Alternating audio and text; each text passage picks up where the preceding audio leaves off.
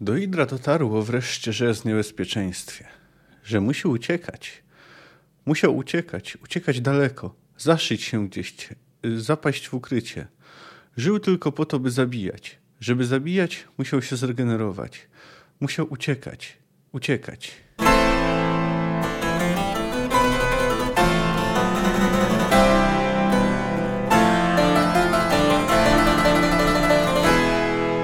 Cześć, jestem Kamil K., a Ty słuchasz mojego podcastu Fantastyka Krok po Kroku. Analizuję w nim rozdział po rozdziale lub opowiadanie po opowiadaniu wybrane książki fantastyczne. Zapraszam.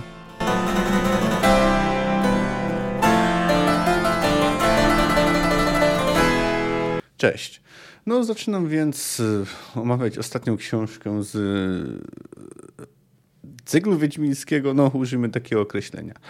Y, generalnie będzie to też ostatnia książka Andrzeja Sapkowskiego, jaką omawiam, no przynajmniej na jakiś czas.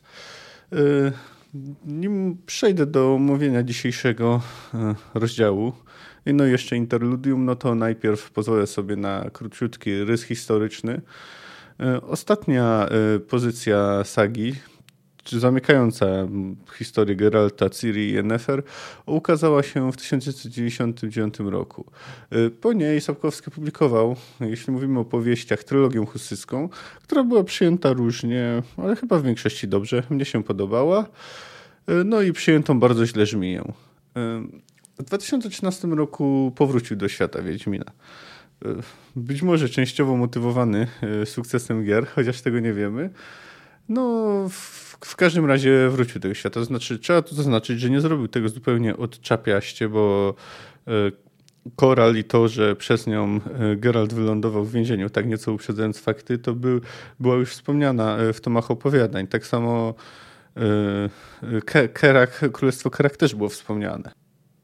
Aczkolwiek generalnie to wydaje mi się, że ta książka ma trochę, jest, wygląda trochę jak opowiadanie przerobione na powieść. Ja pamiętam, że takie miałem wrażenie, gdy, gdy to czytałem. No ale przejdźmy do dzisiejszego odcinka, który jak widzicie jest krótki, no ponieważ nie ma dużo materiału do omawiania. E, zarówno e, pierwszy rozdział jest naprawdę e, te E, króciutki, a dlatego dodaję od razu do niego interlu- następujące po nim interludium, ale nawet z nim no, no to, to, to jest naprawdę mało materiału. Więc no, zacznijmy od streszczenia. Geralt poluje na, na potwora. E, to, to Idr, aczkolwiek sam Geralt nie wie, jak on dokładnie się nazywa. Wiedźmin wykorzystuje trzecioosobową rodzinę jako przynętę. Popełnia jednak błąd, e, e, daje się zmylić potworowi i mężczyzna ginie. Udaje mu się jednak ochronić córkę i matkę. Następnie odbiera nagrodę od Alberta Smułki, żupana gminnego, e, który przy okazji proponuje mały przekręt podatkowy. Kwota wpisana na fakturze będzie wyższa niż ta, na którą się umówili, a nadwyżką podzielą się w stosunku 2 trzecie dla żupana i 1 trzecia dla Wiedźmina. No i generalnie tu kończy się pierwszy rozdział. Natomiast interludium toczy się w innym miejscu. Y, na dworze królestwa Kerak, y, gdzie król Belohun y, przyjmuje czarodziejkę Lytę Nate, zwaną też Koral. Król Belochun wyraża niezadowolenie z powodu tego, że koral umożliwia kobietom usuwanie ciąży. Stwierdza, że to amoralne, a na dodatek y, przez to lęgną się kobietom w głupie pomysły y, i nie wypełniają swoich obowiązków domowych. No i zakłóca to spokój społeczny. Koral niespecjalnie przyjmuje się słowami króla, wie, że jest bezpieczna i nie może jej nic zrobić, ale gdy oznajmia, że ma się ożenić, obiecuje mu, że jeśli jego żona, 17-letnia, y, przyjdzie do niej po pomoc, no to jej e, nie uzyska. E, przy okazji Bolochun wspomina też o sukcesji, że musi zapewnić sukcesję, co wywołuje złość obecnego e, na audiencji syna Belochuna, księcia Egmunda. No, na samej audiencji jest też obecny jego drugi syn, Albinus Xander, który jednak, którego obecność jednak sprowadza się tylko do potwierdzenia tego, co mówi Belochun. Na sam koniec y, czarodziejka informuje Belohuna, że ktoś próbuje go okradać. No już z samej długości tego streszczenia, no widzicie, że pierwszy rozdział y, sezonu Bush jest króciutki. Zresztą nawet w połączeniu z Interludium, no to, to łącznie mają tylko 13 stron. Można powiedzieć, no, na początku tego rozdziału został zastosowany dość interesujący zabieg. Otóż obserwujemy świat z perspektywy potwora. Y, właśnie w Idra. Y, dwa razy jest powtórzone, że on żyje tylko po to, by zabijać. Jeszcze, no, jest to podkreślone jeszcze w inny sposób. Drgania i impulsy budowa budowały już nim radość, jakiej dozna, gdy ofiara zaszamocze się pod jego ciężarem, euforię, jaką sprawił mu smak gorącej krwi, rozkosz, jaką odczuje, gdy powietrze rozerwie wrzask bólu. Dykotał lekko, rozwierając i wierząc szczypce i nogogłaszcz. No to tutaj, y, no to jest to zabieg w sumie ciekawy, ale no nie do końca się udał moim zdaniem, ponieważ y, nie udało się Sapkowskiemu y, wytworzyć wrażenia, że Idr jakoś inaczej rozumie świat. Ten fragment zresztą przypadkowo szukając go trafiłem na recenzję Beatrycze Nowickiej, która też zwróciła uwagę, że jest niezbyt udany. I faktycznie no, no, no jakoś ten fragment z jednej strony pomysł ciekawy, ale nie do końca dobrze zrealizowany. Trochę nie ma tu takiej poczucia obcości, jaka powinna być, gdy obserwuje się świat y, z punktu widzenia potwora. No chociaż no, najważniejszą informację mamy, że ten potwór nie zabija z głodu, tylko dla przyjemności. Że w zasadzie zabijanie jest y, sensem jego istnienia. Nie sposobem na przeżycie, tylko rzeczą, dla której żyje. Natomiast sam, sam opis walki w sumie jest całkiem niezły. Idr wyczuwa ofiary po drganiu gruntu, yy, dlatego ma tu problem, ponieważ za, zapewne Wiedźmin stąpa cicho i, i Idr nie jest pewien, czy to jest czwarta ofiara, czy w ogóle jest, czy nie. No ale co nie wiem na ten moment. Jest całkiem sprytny, yy, ponieważ zamierzał y, wyeliminować wszystkie ofiary, yy, to atakował w sposób, którego Wiedźmin się nie spodziewał. Y, przez to zginął mężczyzna, ponieważ Geralt spodziewał się, że y, potwór zaatakuje właśnie y, córkę, która nieco oderwała się od rodziców, natomiast on zaatakował inaczej. No i co jeszcze poza tym można o nim powiedzieć? Potrafi się szybko poruszać, potrafi ukryć się w lesie, ma czułki, które właśnie pozwalają mu wyczuwać drgania gruntu z dalekiej odległości. Y, poza tym ma też ma pancerz, y, szczypce i żuwaczkę. Można więc przyjąć, że to jest y, jakiś potwór owadopodobny. No tylko oczywiście no, nie ma wielkości tam jakiegoś żuka, tylko jest no, kilkadziesiąt razy prawdopodobnie większy. No, tak z punktu widzenia tego, co się będzie działo później, no to mamy tutaj wprowadzony wątek sztucznie tworzonych potworów, a, a także mm, jako pretekst, y, że do tego, że niby Geralt uczestniczy właśnie w przekręcie finansowym, no, przez co niby ma wylądować w więzieniu.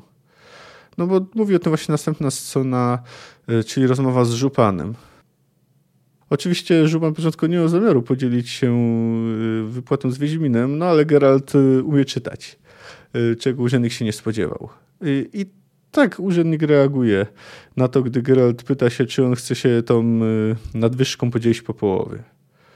Po połowie? Żupan skrzywił usta. Bez przesady, Wiedźminie, bez przesady. Myślał ktoś taki ważny. Z różnicy dostaniesz jedną trzecią. Dziesięć koron. Dla ciebie to i tak duża premia. A mniej więcej się należy choćby z racji funkcji. Urzędnicy państwowi powinni być majętni. Im urzędnik państwowy majętniejszy, tym prestiż państwa wyższy. Co ty zresztą możesz o tym wiedzieć? Nuży mnie już ta rozmowa. Podpiszesz tę fakturę czy nie? No cóż, no, przedstawiona tu została korupcja urzędnicza. Generalnie urzędnicy trafiają państwowi, nazwijmy ich, trafiają się w Sapkowskiego różni. Niektórzy skorumpowani, niektórzy jak Kaldemain z mniejszego zła nie. No, ten akurat yy, jest. No co tu jeszcze w tym rozdziale można powiedzieć, że mm, Geralt y, odczuwa wyrzuty sumienia y, co do tego, jak y, całe polowanie na Idra przebiegło. Na pytanie, czy kobiety padły mu do nóg, tak myśli. Nie padły, zacisnął szczęki Wiedźmin, bo jeszcze nie całkiem uprzytomniały, a ja stąd odjadę, zanim oprzytomnieją. Zanim pojmą, że wykorzystałem je jako przynętę, w zarozumiałym zadufaniu przekonany, że zdołam obronić całą trójkę. Odjadę, zanim do dziewczynki dotrze, zanim zrozumie, że to z mojej winy jest półsierotą. To, nie wiem, czy to nie jest też lekka przesada, bo przecież ci ludzie prawdopodobnie z własnej woli, no chyba, że Wiedźmin jakoś na nich wpłynął, żeby, żeby poszli tamtym, y, tamtą drogą. Ale bo sam Żupan mówi, że no, tam ludzie chodzili pomimo tego, że, że było dość powszechnie wiadomo o ryzyku, jakie się może wiązać z wyborem tej drogi. Chciałbym jeszcze na chwilkę się zastanowić, z jakim Geraltem mamy tu do czynienia. Będę dział później czas y, w późniejszych rozdziałach, żeby bardziej tu zanalizować, ale no nie da się ukryć, że Geralt w opowiadaniach, zwłaszcza um, zanim poznał y, Ciri, czy też nawet y, jeszcze później, zanim Cintra nie została zaatakowana, był inną osobą niż ten później z sagi. Tutaj, no, Trudno sobie wyobrazić późniejszego Geralta, który by zaryzykował e, życie właśnie ludności postronnej, jeśli by nie musiał. No bo tak, tu warto jeszcze dać o chronologię. Jeśli chodzi o chronologię, no to akcja sezonu Bush toczy się między ostatnim życzeniem a kwestią ceny, czyli, yy, no, czyli już po poznaniu Yennefer, które zresztą się pojawi krótko, a przed w ogóle całą... Yy, całą aferą na dworze w Cintrze. Czyli Ciri nie ma na świecie, jeszcze przez długi czas jej nie będzie. Czy Geralt przystaje do tego? W tym akurat fragmencie w zasadzie tak. No bo powiedzmy jakieś wyrzuty sumienia i skrupuły to odczuwał już, już, w, już w mniejszym źle i później, więc y, tutaj Ciri akurat nie było konieczne. Zresztą pamiętacie że wspominał to mniejsze zło w rozmowie z Jolą, a to było e, nim e, ponownie e, zobaczył Ciri. To znaczy, to było zanim zdecydował się, że z Ciri łączy go przeznaczenie.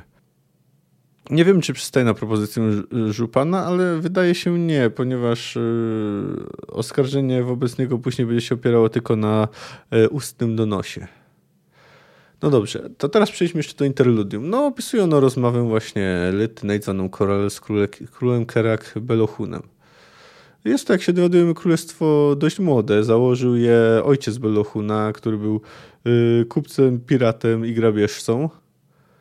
Dowiadujemy się też, taka ciekawostka, że powszechnym zwyczajem jest, że czarodzieje mogą siedzieć w obecności władców. No, dowiadujemy się też trochę o stosunkach panujących na dworze. Że Belohun ma wiele, wiele dzieci, ale chce mieć jeszcze więcej.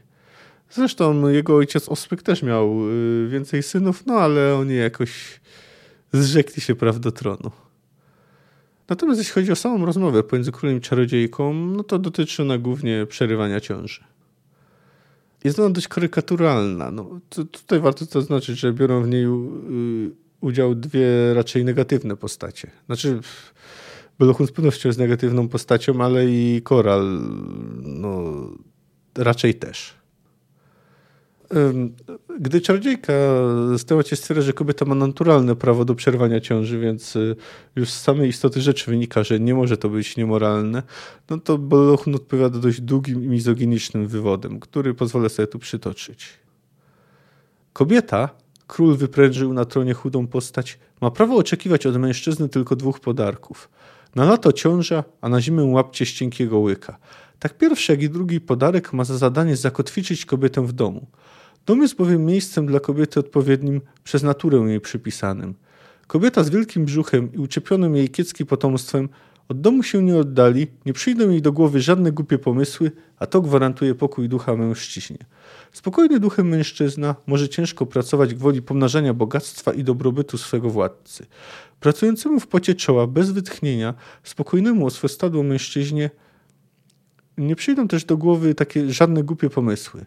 A gdy kobiecie ktoś mówi, że może rodzić, gdy chce, a gdy nie chce, to nie musi, gdy na domiar ktoś podpowie jej sposób i podsunie środek, wtedy, szanowna, wtedy porządek społeczny zaczyna się chwiać. Tak jest, wtrącił książę Sander, już od dawna wypatrujący okazji, by się wtrącić. Tak właśnie. Kobieta niechętna macierzyństwu, ciągnął Belochun, kobieta, której nie uwięzi w domostwie brzuch, kołyska i bachory, wnet ulegnie chuci, rzecz to wszak oczywista i nieuchronna. Wówczas zaś mężczyzna utraci wewnętrzny spokój i równowagę ducha. W jego dotychczasowej harmonii zazgrzyta coś nagle i zaśmierdzi. Ba, okaże się, że niejakiej harmonii nie ma, ani ładu żadnego. Zwłaszcza tego ładu, który uzasadnia codzienną harówkę. Oraz to, że efekty tej harówki zagarniam ja. Od takich myśli tylko krok do niepokojów, do sedycji, buntu, rewolty. Pojęłaś, Nate? Kto daje babom środki zapobiegające ciąży lub umożliwiające jej przerwanie, ten niszczy porządek społeczny, podżega do zamieszek i buntów. Hmm. Co ciekawe, gdy czytałem, gdy szukałem w necie tego cytatu, znalazłem ludzi, między innymi na wykopie, którzy cytowali go najwyraźniej aprobująco. E, cóż, to, to zawsze jest dyskusyjne, czy dana postać wyraża stanowisko autora, ale uwzględniając, że w sumie tu wyraził je grabieżca i w sumie głupiec, e, no to no to jest dość jasne, że nie jest to stanowisko Sapkowskiego i co do tego można być pewnym. Ogólnie nie do końca mi się ten dialog podoba. Ja wiem, że to się często argumentuje, pewnie słusznie, że właśnie tu chodzi o e, w zakazie aborcji przede wszystkim chodzi o kontrolę kobiecych ciał. I to jest, e, to, to, to jest tak interpretowane, to jest, to jest właśnie pole bitwy, na którym się toczy. No i, ale takie karykaturalne przedstawienie sprawy znów nie do końca mnie przekonuje. No ale sama Litta się do tego nie odnosi bezpośrednio, chociaż podsumowuje je w myślach. Litta za nic sobie miała pozory autorytetu i władczości Belohuna. Doskonale wiedziała, że jako czarodziejka jest nietykalna, a jedyne co król może to gadać. Powstrzymała się jednak od dobitnego uświadomienia mu, że w jego królestwie zgrzyta i śmierdzi już od dawna, że ładu w nim tyle, co kot napłakał, a jedyna harmonia, jaką znają mieszkańcy, to instrument muzyczny, rodzaj akordeonu – i że mieszanie do tego kobiet macierzyństwa, czy też niechęci do niego, dowodzi nie tylko mizoginii, ale i kretynizmu. No tak jak mówię, no, no, no nie ma tu zabawy w żadne, w żadne subtelności. Znaczy się, no tu jeszcze można wspomnieć o tym, że faktycznie, że oczywiście, że generalnie środki antykoncepcyjne, czy dostęp do aborcji i ogólnie em, świadomość istnienia praw kobiet sprawiły, że E, stosunki społeczne uległy zmianie. No ale, ale one i tak były nie, nie do utrzymania. E, oczywiście no mówimy generalnie, ta emancypacja kobiet nie nastąpiła wszędzie, a, też nie wszędzie w, na w tej samej skali. No, tak czy owak teza, że, że ład społeczny, że kontrola kobiet zapewnia ład społeczny, no jest nasiągana, ponieważ owszem, zapewniała go do pewnego momentu. To poza tym zresztą no, akurat tutaj jest jeszcze celowo zrobione, że to nie robi król jakiegoś stabilnego królestwa, tylko de facto y, dość śmiesznej efemerydy y, de facto bandy, bandyckiego państewka. No ale tutaj trzeba zaznaczyć, że sama, dla samej Lyty to jest nawet bardziej niż kwestia moralna, no to jest źródło zarobku. Zresztą no, dlatego ona mu to mówi. Mówi i dodaje też, że y, czarodzieje też niejako go chronią. Wiedz Belochun, że jeśli skutkiem uprawianego przez ciebie wyzysku i grabieży dojdzie w Kerak do niepokojów, jeśli zapłonie tu, górnolotnie mówiąc, żagiew buntu, jeśli nadciągnie zrewoltowany motłoch, by cię wywlec stąd za łeb, zdetronizować, a zaraz po tym powiesić na suchej gałęzi, Wtedy możesz liczyć na moją konfronterię, na czarodziejów. Przyjdziemy z pomocą. Nie dopuścimy do rewolni anarchii, bo i nam nie są one na rękę. Wyzyskuj więc i pomnażaj bogactwo. Pomnażaj spokojnie. I nie przeszkadzaj pomnażać innym. Bardzo proszę i dobrze radzę. Czarodziejom też zależy na pokoju społecznym i tak naprawdę to jest im wszystko jedno, kto rządzi jakimś tam kerak. Byle tylko y, nie przeszkadzał im y, w biznesach, to będzie wszystko w jak najlepszym porządku. Cóż, to oczywiście jest to stanowisko cyniczne, no ale y, o czarodziejach wiemy wystarczająco dużo, by nie być tym zaskoczonym. Tutaj, no oczywiście na koniec jeszcze daje do, no, składa do nas na Geralta. No jeszcze nie wiemy, dlaczego to zrobi, no ale wiemy, że że chce, by został aresztowany. No jest to część dość, może nie bardzo skomplikowanej, ale trochę, trochę zakręconej intrygi, no, którą będziemy omawiać później. No i teraz jeszcze trzeba wspomnieć o cytatach, które poprzedzają y, początek y, pierwszego rozdziału. Pierwszy jest, to jest chyba najbardziej znany cytat y, niczego. Ten, kto walczy z potworami, niechaj baczy, sam nie stał się potworem. Gdy długo spoglądasz w otchłań, otchłań patrzy też w ciebie. Friedrich Nietzsche. Jenseits von Gut und Buse. Ten cytat pochodzi z książki Poza dobrem i złem. No, a drugi jest niejako komentarzem i pochodzi od Jaskra. Spoglądanie w otchłań mam za zupełny idiotyzm. Na świecie jest mnóstwo rzeczy o wiele bardziej godnych tego, by na nie spoglądać. Jaskier pół wieku poezji. No może to i prawda. Chociaż wydaje się, że akurat na przykład Geralt zbyt często y, patrzy w otchłań. Nie staje się w wyniku tego może potworem, y, natomiast chyba gorszym zabójcą potworów, ponieważ niedobrze jest Y, gdy zaczyna filozofować. No zresztą mu to kilka osób już to już to przypominało, że to może być niebezpieczne w jego fachu. No na przykład pan Fulko. No ale to wieże jaskółki już omawiałem, więc nie będziemy do tego wracać. No na dzisiaj to tyle. Odcinek krótki. Y, drugi rozdział z sezonu Bush też jest dość króciutki, też jest dość krótki, więc prawdopodobnie no, odcinek dotyczący będzie podobnej długości. Do usłyszenia. Cześć.